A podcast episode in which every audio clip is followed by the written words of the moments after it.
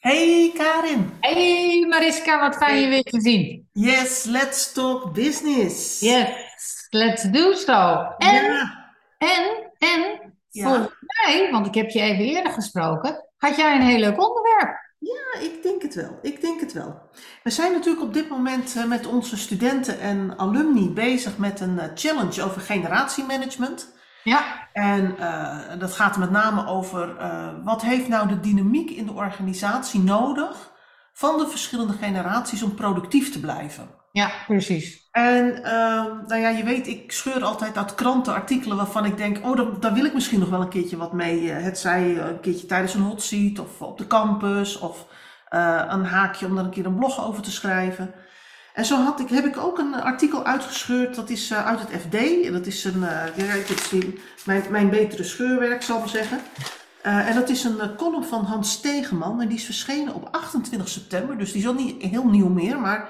En, dat, en die heeft een mooie titel meegekregen, Dinosaurusdemocratie. Ja, dat vond ik echt een prachtige benaming van, van datgene wat hij beschrijft. Ja, precies. Want hij beschrijft eigenlijk ehm, dat ons democratisch systeem eh, met de vergrijzing van de, van de bevolking eigenlijk wel een beetje aan het einde van zijn, eh, nou ja, dat is mijn, allemaal mijn bewoording, hè, maar een beetje aan het einde van zijn houdbaarheid komt, omdat de gemiddelde leeftijd van de stemmer in Nederland 55 50 plus is. Ja, En dat betekent dat er meer belangen worden geborgd van mensen die al ouder zijn en niet zozeer van de jongere generaties en al helemaal niet van de komende generaties. nee, En, en dat fenomeen wordt alleen maar erger, want we zitten natuurlijk, we hebben te maken met een dubbele vergrijzing. ja, Niet, niet alleen wordt de, stijgt de gemiddelde leeftijd, maar we worden ook steeds ouder, waardoor niet alleen eh, zeg maar maar eventjes de verschuiving eh, onder de 65, boven de 65 verschuift,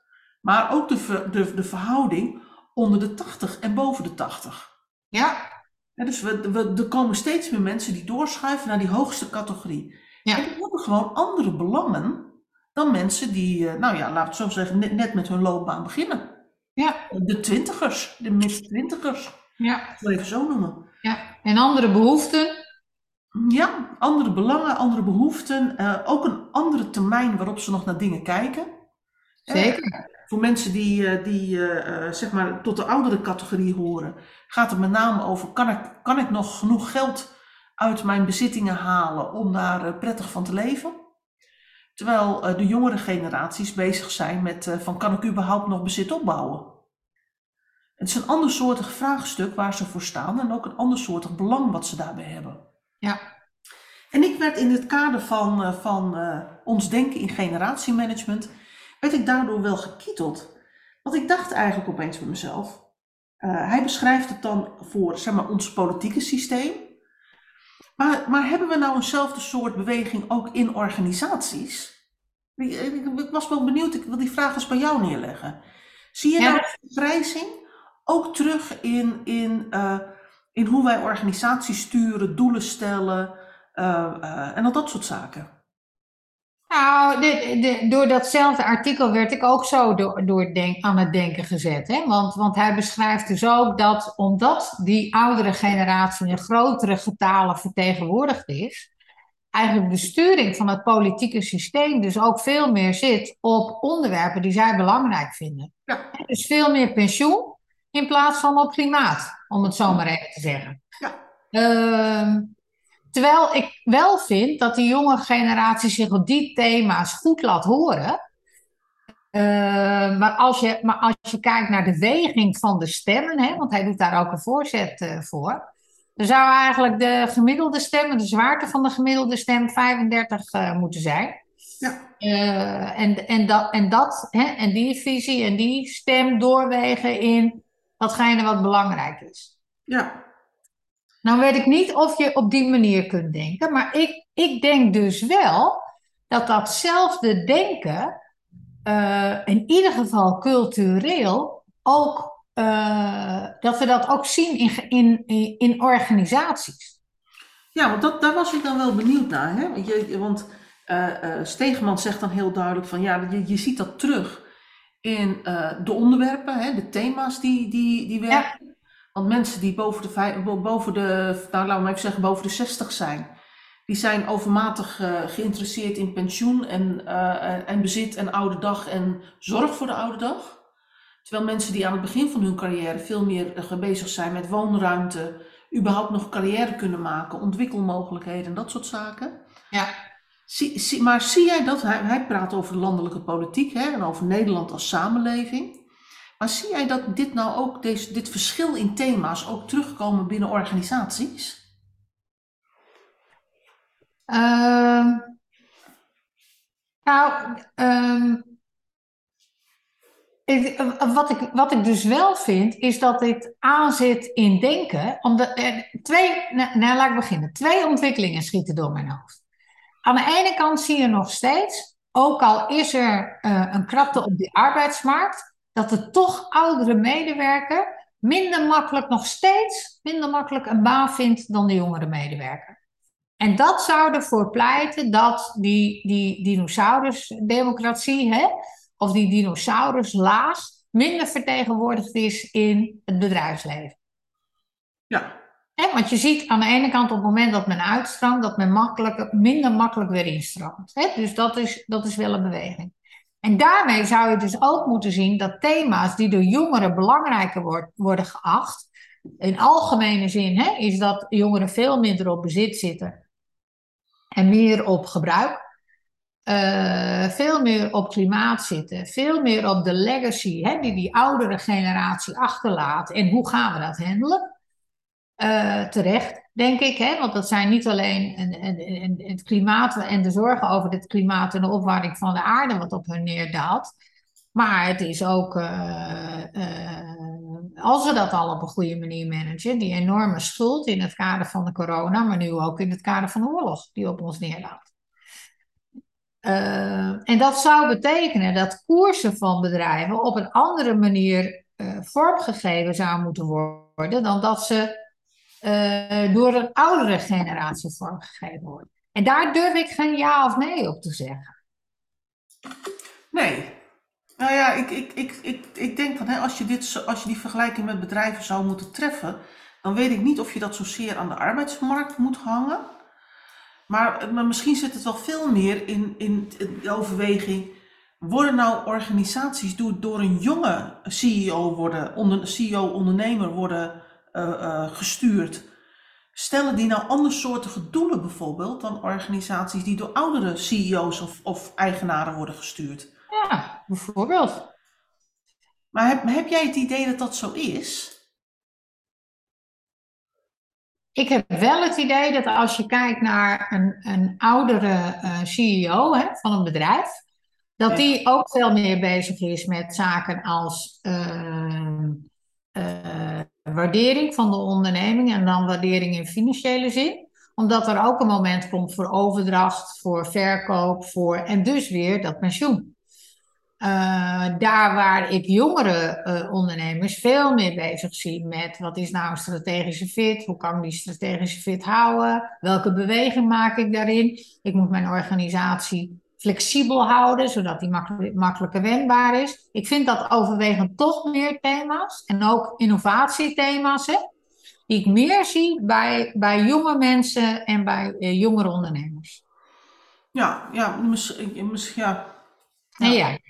Nou ja, ik, ik, ik zit dan even ook heel snel bij mezelf te denken, hè, van hoe zit dat nou in, uh, in mijn netwerk?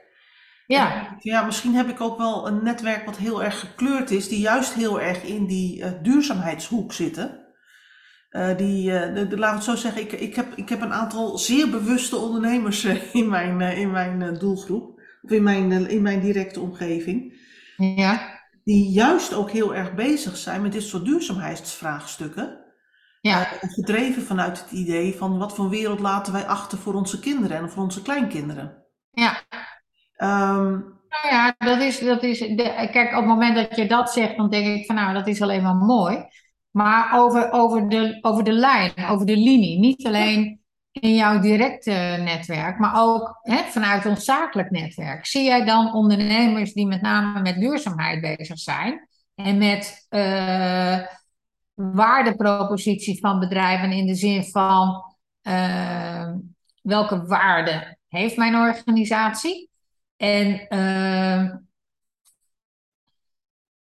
en hoe kan ik toevoegen aan, aan, aan die maatschappij waarin wij leven? Of zijn het met name waardeproposities die je kunt uh, terugvoeren op geld?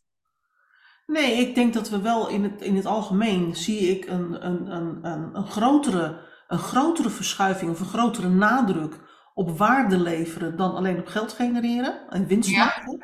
Ja. ja.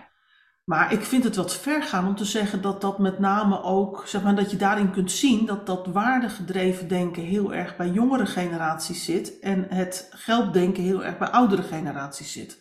Ja. Dat vind ik een beetje een, een te zwart-wit uh, benadering. Is het ook, hè? Het is een beetje chasserend natuurlijk ook. Ja, maar dat is natuurlijk altijd de, de, de, de makke van, van, ik noem maar eventjes, als je op een grotere afstand kijkt, dan uh, kun je algemeenheden zien die je niet meer ziet op het moment dat je naar uh, uh, individuele bedrijven en individuen kijkt. Ja, eens. dus dat is altijd het verschil van welke, welke betrokkenheid en welke distantie, dus welke afstand neem je ten opzichte van het onderwerp. Ja. En het, het, het bijzondere van Stegeman is natuurlijk, hij kijkt echt als econoom en als, nou, hij is ook, ook hoofdstratege bij, bij Triodos Investment Management. Mm uh, hij kijkt van, van grote afstand, uh, uh, kijkt hij naar, naar onze samenleving en denkt daar bepaalde, zeg maar, be bepaalde bewegingen te zien of bepaalde analyses op los te kunnen laten. Ja. Dan wij nadenken over individuele ondernemers of individuele ondernemingen, mm die, en om te kijken of we daar dan ook dit soort verschillen zien. En ik denk dat we ja. er misschien net te dicht op zitten. Wat ik wel denk te zien, is dat als ik kijk naar de organisaties waar bijvoorbeeld onze studenten werken, hè, en ook de organisaties waar wij zelf zijn, als het gaat over uh, waarden gedreven voor menselijkheid, een menselijke maat, elkaar kennen, ja. uh, een, een, gezamenlijke organisatie zijn, dat ik dat soort thema's voornamelijk zie bij uh, de al wat oudere managers in ons bestand en, en in de organisaties. Terwijl dingen als klimaat en duurzaamheid, veel meer zit, het aandachtsgebied is van de jongeren in de organisaties. dus okay. Het is ja. wel waardengedreven, maar op andere dingen. Ja. En, en ik denk dat dat misschien ook maakt dat die verschillende generaties binnen organisaties elkaar soms ook wat in de weg zitten of elkaar soms niet altijd begrijpen als het gaat over dit soort waarden waar de organisatie op stuurt en, en een punt wil maken. Ja, Hey, en wat vind je van, uh, van zijn idee om daar een weging in aan te brengen? Ja, ik, ik, vind, dat een, ik vind dat een spannend idee. Ik, Ja. uh, ik zou daar zelf wel voor zijn, moet ik heel eerlijk zeggen. Ik denk namelijk dat we dan ook echt iets krijgen als een, als een toekomstgerichte politiek. Het probleem is alleen dat ons huidige bestel niet erg toekomstgericht is. Nee. Dus de vraag is, als je nou een andere een andere weging los gaat laten op de samenleving in termen van hoe zwaar wegen onze stemmen, dan denk ik van ja, maar waar stemmen we dan met elkaar op? Hè? Ja. Dat, dat vraagt ook wel iets van onze politieke partijen om die switch te maken. Ja. Dan moet je ook partijen hebben die met name op die thema's zitten, die op de langere termijn werken. Dus Mhm. over de regeerperiode van vier jaar heen. Uh, en, en dan vraag je wel iets van onze dames en heren politici. Ja. En ik, ik weet niet, ik bedoel, uh, misschien is het aanpassen van een, van een weging in ons democratisch bestel nog wel makkelijker dan een aanpassing doorvoeren in, in het termijndenken van onze politieke partijen en onze politieke leiders. Ja. Het is misschien een wat boute uitspraak hoor. Nou, dat, het valt mij wel mee hoor, hoe bout die uitspraak is. ik kan me er wel in vinden. Het enige waar ik me dan afvraag, hè, vanuit, vanuit toch de rigiditeit van degene die dit onderwerp beschreven heeft, of het dan niet zo zou zijn dat we helemaal niet meer toekomen aan zaken als pensioen, of uh, hoe gaan we nou om met de ouder wordende mens. Uh, ik, ik gooi even een steen in de vijver, hè, om onze dialoog ook een beetje spannend te houden. Want ik denk eigenlijk zelf dat een van de domste beslissingen die de politiek heeft kunnen nemen. Ik geef toe, ze hebben nogal wat domme beslissingen genomen de afgelopen periode. Maar toch wel een hele domme was de afschaffing van de bejaardentehuizen. En hè, waardoor je nu ook ziet dat ons zorgsysteem ja, volledig vastloopt. Het is bekend dat, dat de overwegende kosten van het zorgsysteem, met name aan de eindfase van het leven, worden gemaakt. Ja. En uh, er is gestuurd op langer thuis wonen. Nou, in het kader van de arbeidsmarktkrapte hè, zou ik zeggen van uh, dat, dat, niet zo gewenst. Tweede is dat je ziet dat die mensen zo laat naar de dokter gaan, of, of soms ook met de eenzaamheid, hele nare dingen en vervelende en eigenlijk mensonwaardige dingen, zeker in die laatste fase van het leven, leven worstelen dat daar uh, onvoldoende uh, op geacteerd wordt en kan worden in die fase. Ja. En ja, ik, ik vraag me nou af, hè, stel we krijgen nou zo'n weging, hè, waar, waar uh, zeg maar, gegeven het feit dat we minder 20-jarigen hebben en heel veel 50-plus, die toch overwegend het pensioen en, en uh, maar ook hè, de zorg tot aandachtsgebied rekenen. En als je twintig bent, ga je zelf maar eens na toen je twintig was. Hè? toen wij vijf jaar geleden nadachten over onze pensioen en over zorg. Hè? We waren toen immers nog twintig. Nou, ik moet je zeggen dat ik daar niet heel erg veel over nadacht.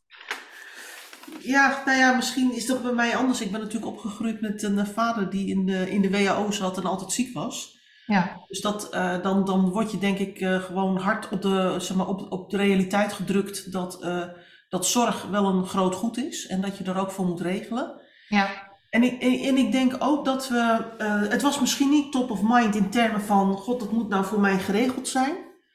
Maar ik, ik denk dat we onze jeugd wel een, zeg maar een, een zwaar buffet van onvermogen toedelen.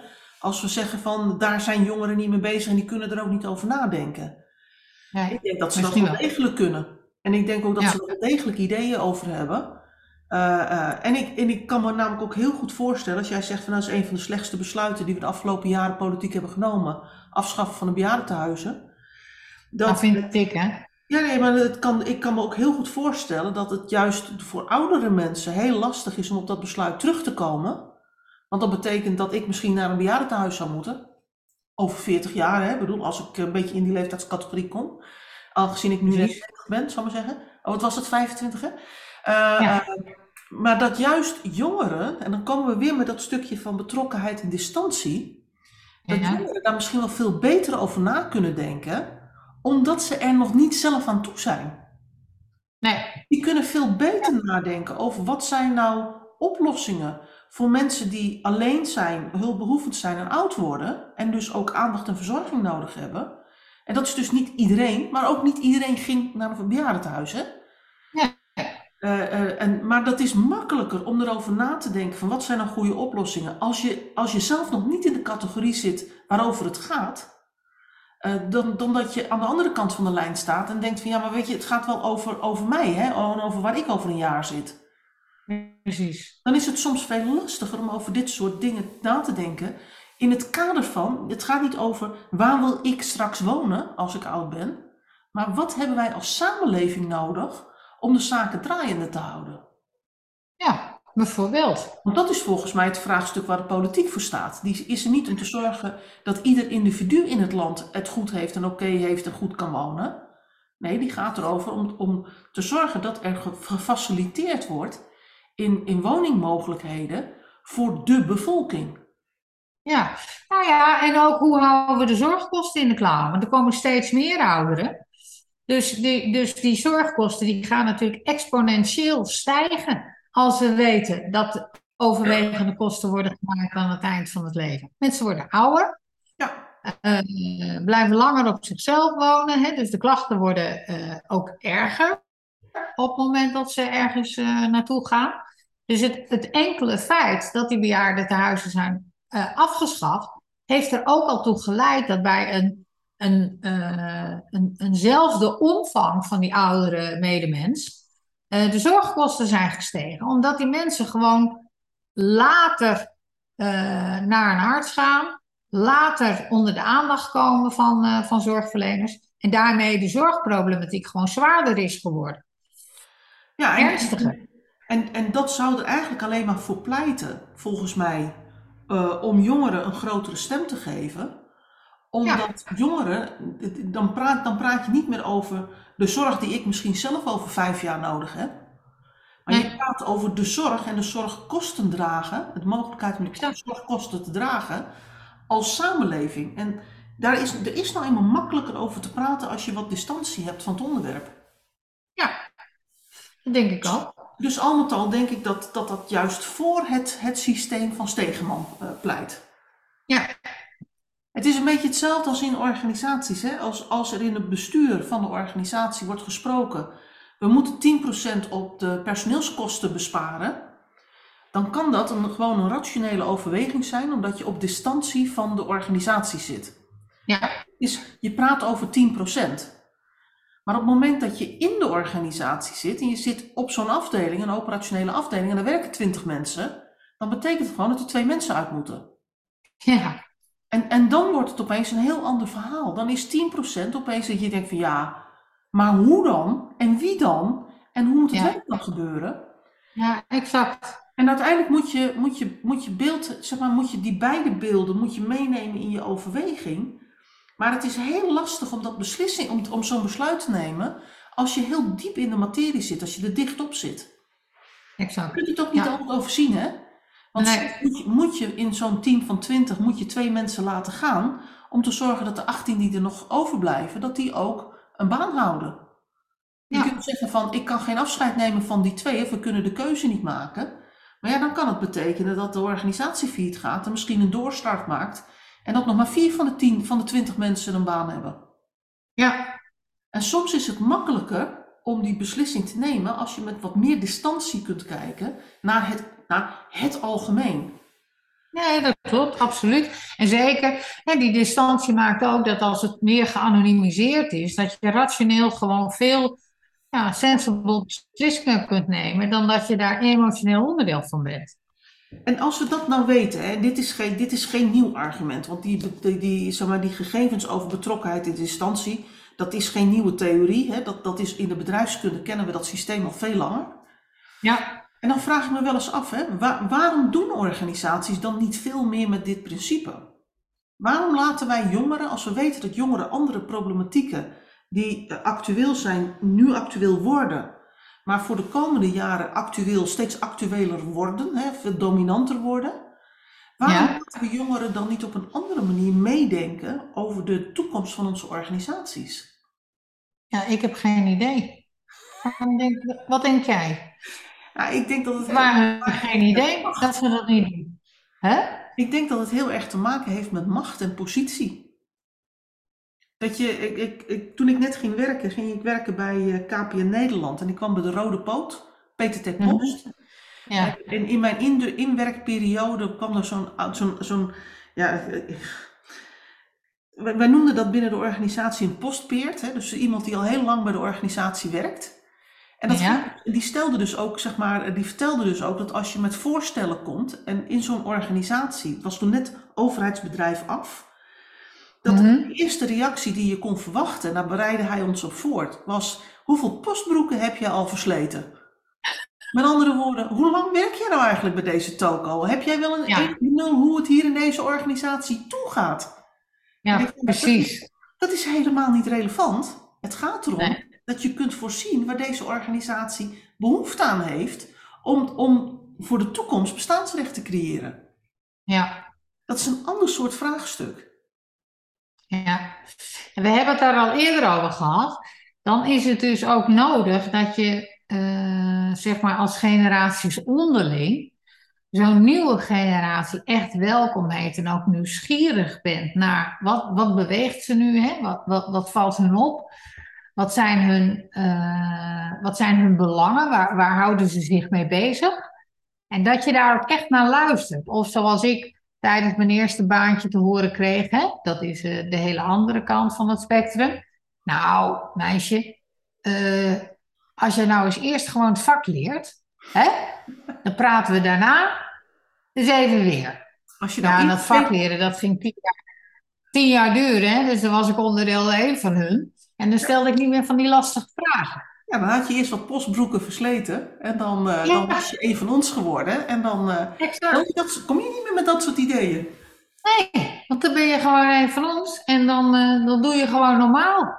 Ja, ja. en ik, en ik Ja. denk, het, het, eh, en dat is natuurlijk ook wat we, wat we eh, samen met elkaar ervaren hebben en, en ontkend hebben in die generatiemanagement challenge, is dat je misschien niet de, de, de jonkies eh, eh, meteen hoog in de organisatie moet zetten, maar dat je op zijn minst wel het gesprek aan moet gaan van, joh, wat, wat, wat, waar irriteer je aan, waar verbaas je over, in negatieve zin, maar ook in positieve zin, in deze organisatie.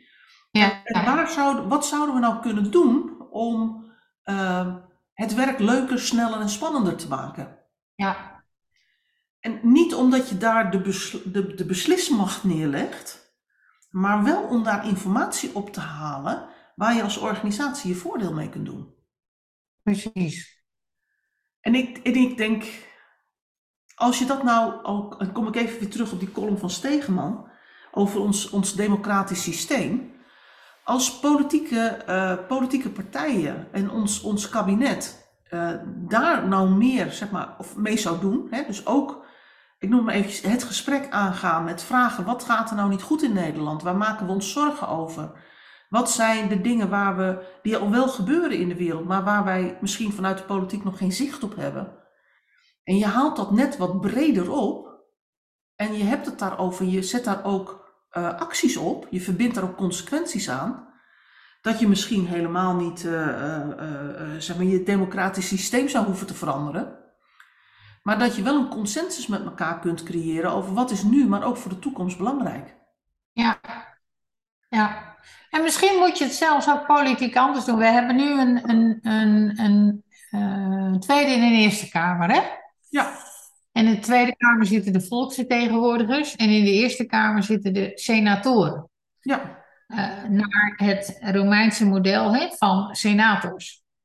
Eh, en dat komt van, eigenlijk van senes, en dat betekent oude man. Senex, oude man betekent dat. Omdat Ja. in de Romeinse tijd hè, vertegenwoordigden met name de oudere mannen, hè, dat waren ook vaak de pater familia's, hè, dus de, de, de, het hoofd van de familie. Die vertegenwoordigden de wijsheid. eh, en, en die hadden dus de wijsheid in pacht en die konden dus ook zinnige dingen zeggen. En daar komt ons woord senator ook vandaan. Maar als je de Eerste Kamer nou, nou eh, zeg maar niet meer een kamer van eh, senators maakt, maar bijvoorbeeld een, een kamer van eh eh, juvenees, en de juvenees waren de jongelingen, dan krijg je automatisch een soort toetsing op onderwerpen die jongeren belangrijk vinden. Ja. Zoals duurzaamheid, klimaat. eh, ja, hoef je niet hele grote aanpassingen aan het systeem te doen.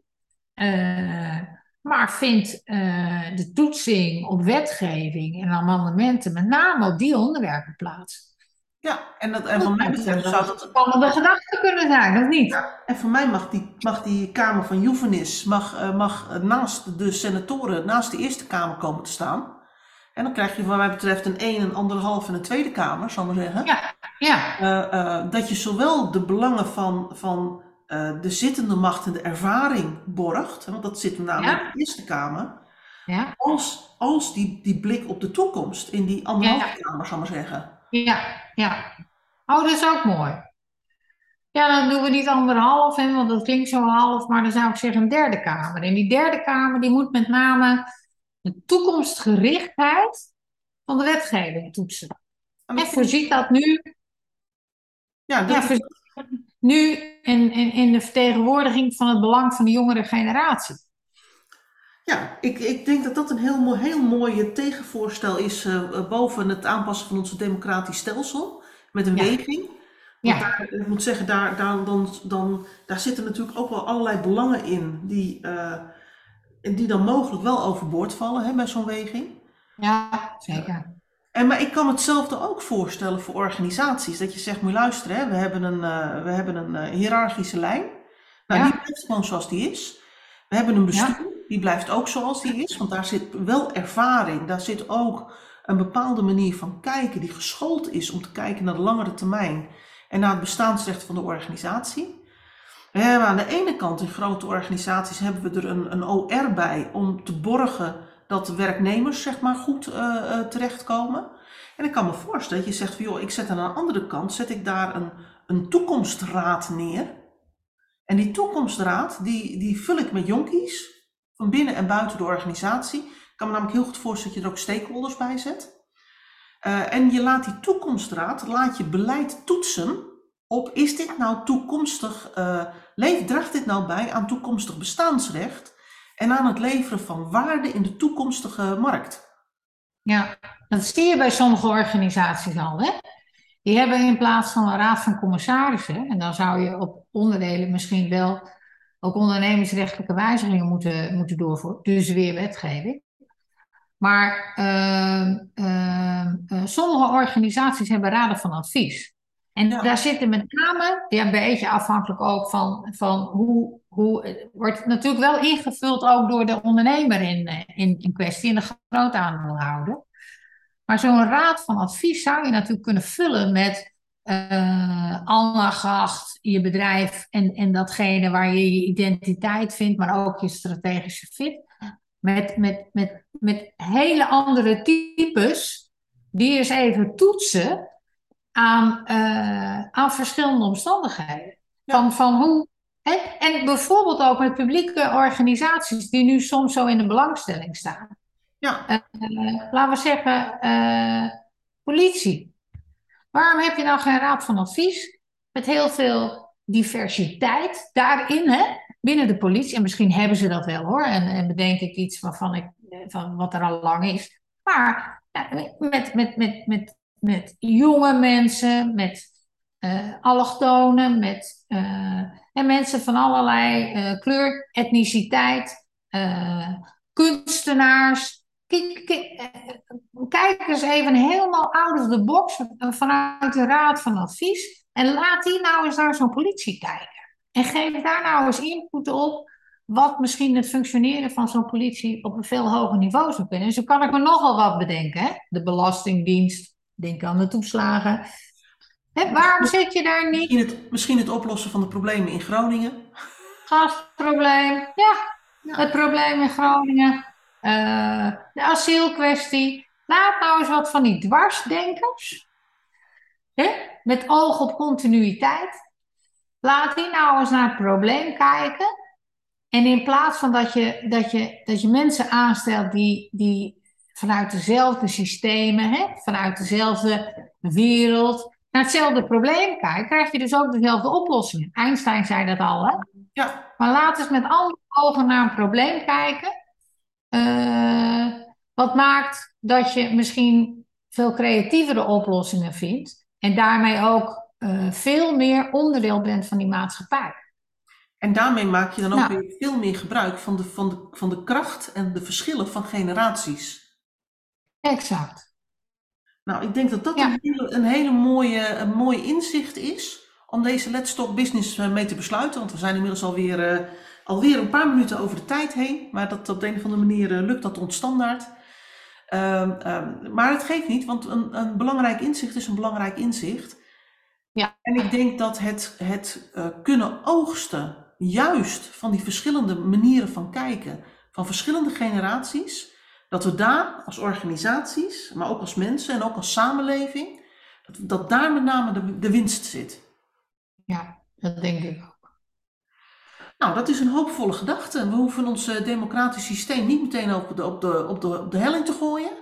Uh, maar kleine aanpassingen. Een kleine aanpassing moeten we een heel eind zien te komen. Lijkt mij ook. Het zou toch een, een, een, een mooie voorzet voor uh, zeg maar een, een pilot zijn, hè? zodat we ook daar eens wat nieuwe inzichten op doen. Nou, en, en misschien is dat ook wel een leuk onderwerp om het volgende week over te hebben. En als je nou een klein, paar, paar kleine aanpassingen doet in de organisatie, dat je dan op het middenveld van die organisatie een, een veel grotere uh, uh, kunt laten zorgen voor effectiviteit van je organisatie. Dat is een leuk onderwerp. Gaan we het volgende week over hebben? Lijkt me helemaal leuk. Gaan we doen. Hey, hey tot dan hè. We spreken elkaar. Doei doei. Ah.